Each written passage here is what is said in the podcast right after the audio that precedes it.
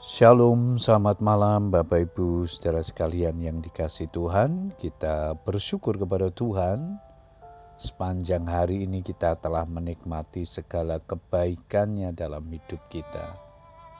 Kita mengucap syukur kepadanya dan malam hari ini diberikan kesempatan untuk berdoa kepada Tuhan. Namun sebelumnya kita akan merenungkan firman Tuhan yang malam ini diberikan tema miliki hati yang lurus. Ayat emas kita di dalam kisah para rasul 8 ayat 21.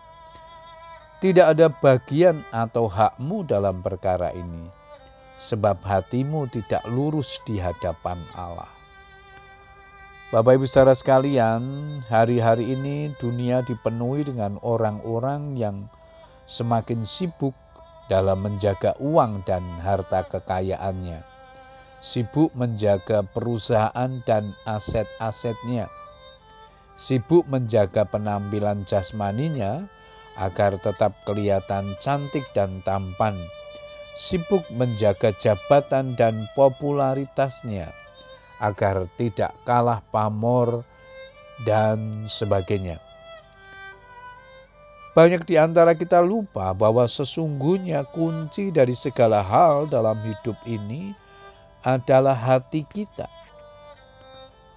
Amsal 4 ayat 23 di sana dikatakan jagalah hatimu dengan segala kewaspadaan karena dari situlah terpancar kehidupan.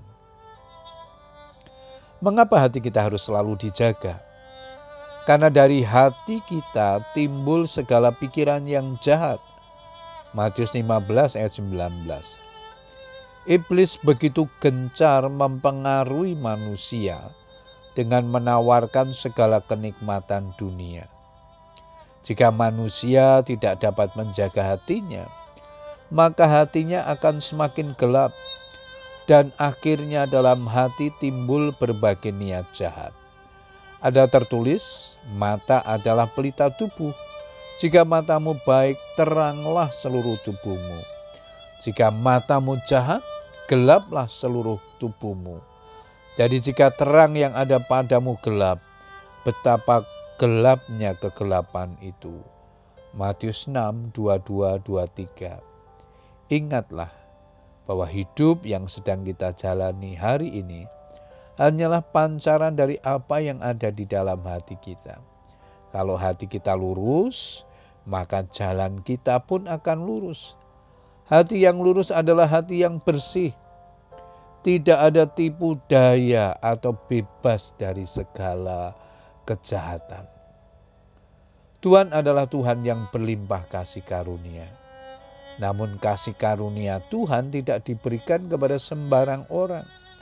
Aku akan memberi kasih karunia kepada siapa yang kuberi kasih karunia dan mengasihani siapa yang kukasihani.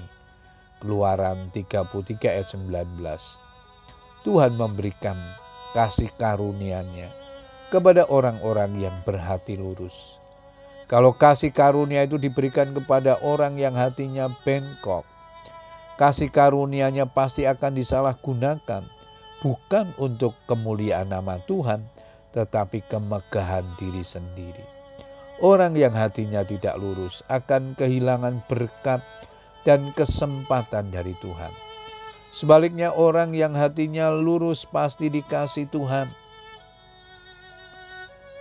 Yesaya 26 ayat yang ketujuh firman Tuhan berkata, Jejak orang benar adalah lurus, sebab engkau yang merintis jalan lurus baginya. Puji Tuhan Bapak Ibu saudara sekalian, Biarlah kebenaran firman Tuhan ini memandu kita untuk kita terus menjaga hati kita supaya berkenan di hadapan Tuhan.